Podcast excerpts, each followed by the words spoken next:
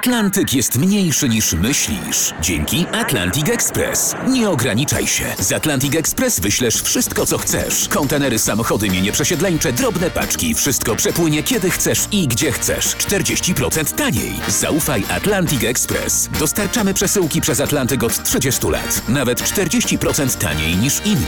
Dzwoń 1 800 775 73 63. Ekspresowo przez Atlantyk. Tylko z Atlantic Express. Mało kto dziś pamięta. Datownik historyczny prezentuje Maciej Korkuć.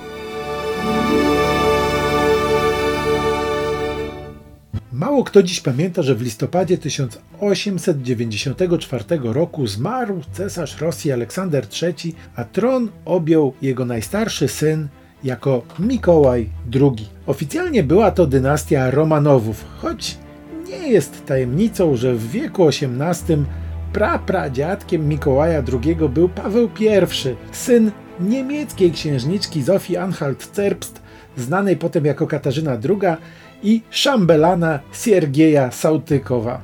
Kod genetyczny Romanowów już od dawna miał się nijak do tego, co płynie w żyłach kolejnych potomków Pawła I. To Mikołajowi II nie przeszkodzi jednak w zorganizowaniu w 1913 roku hucznych obchodów rzekomego 300-lecia panowania tej dynastii na rosyjskim tronie. Legendę Mikołaja II tworzy fakt, że został on brutalnie z całą najbliższą rodziną zamordowany przez bolszewików.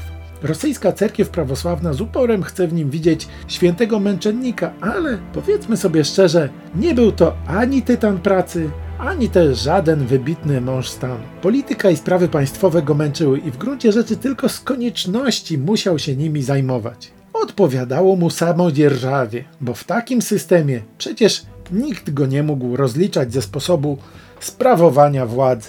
Uwielbiał polować. W każdym roku jego łupem padały setki bażantów, zające, kuropatwy, łosie, sarny i inne zwierzęta. O wiele gorzej szło mu w polityce.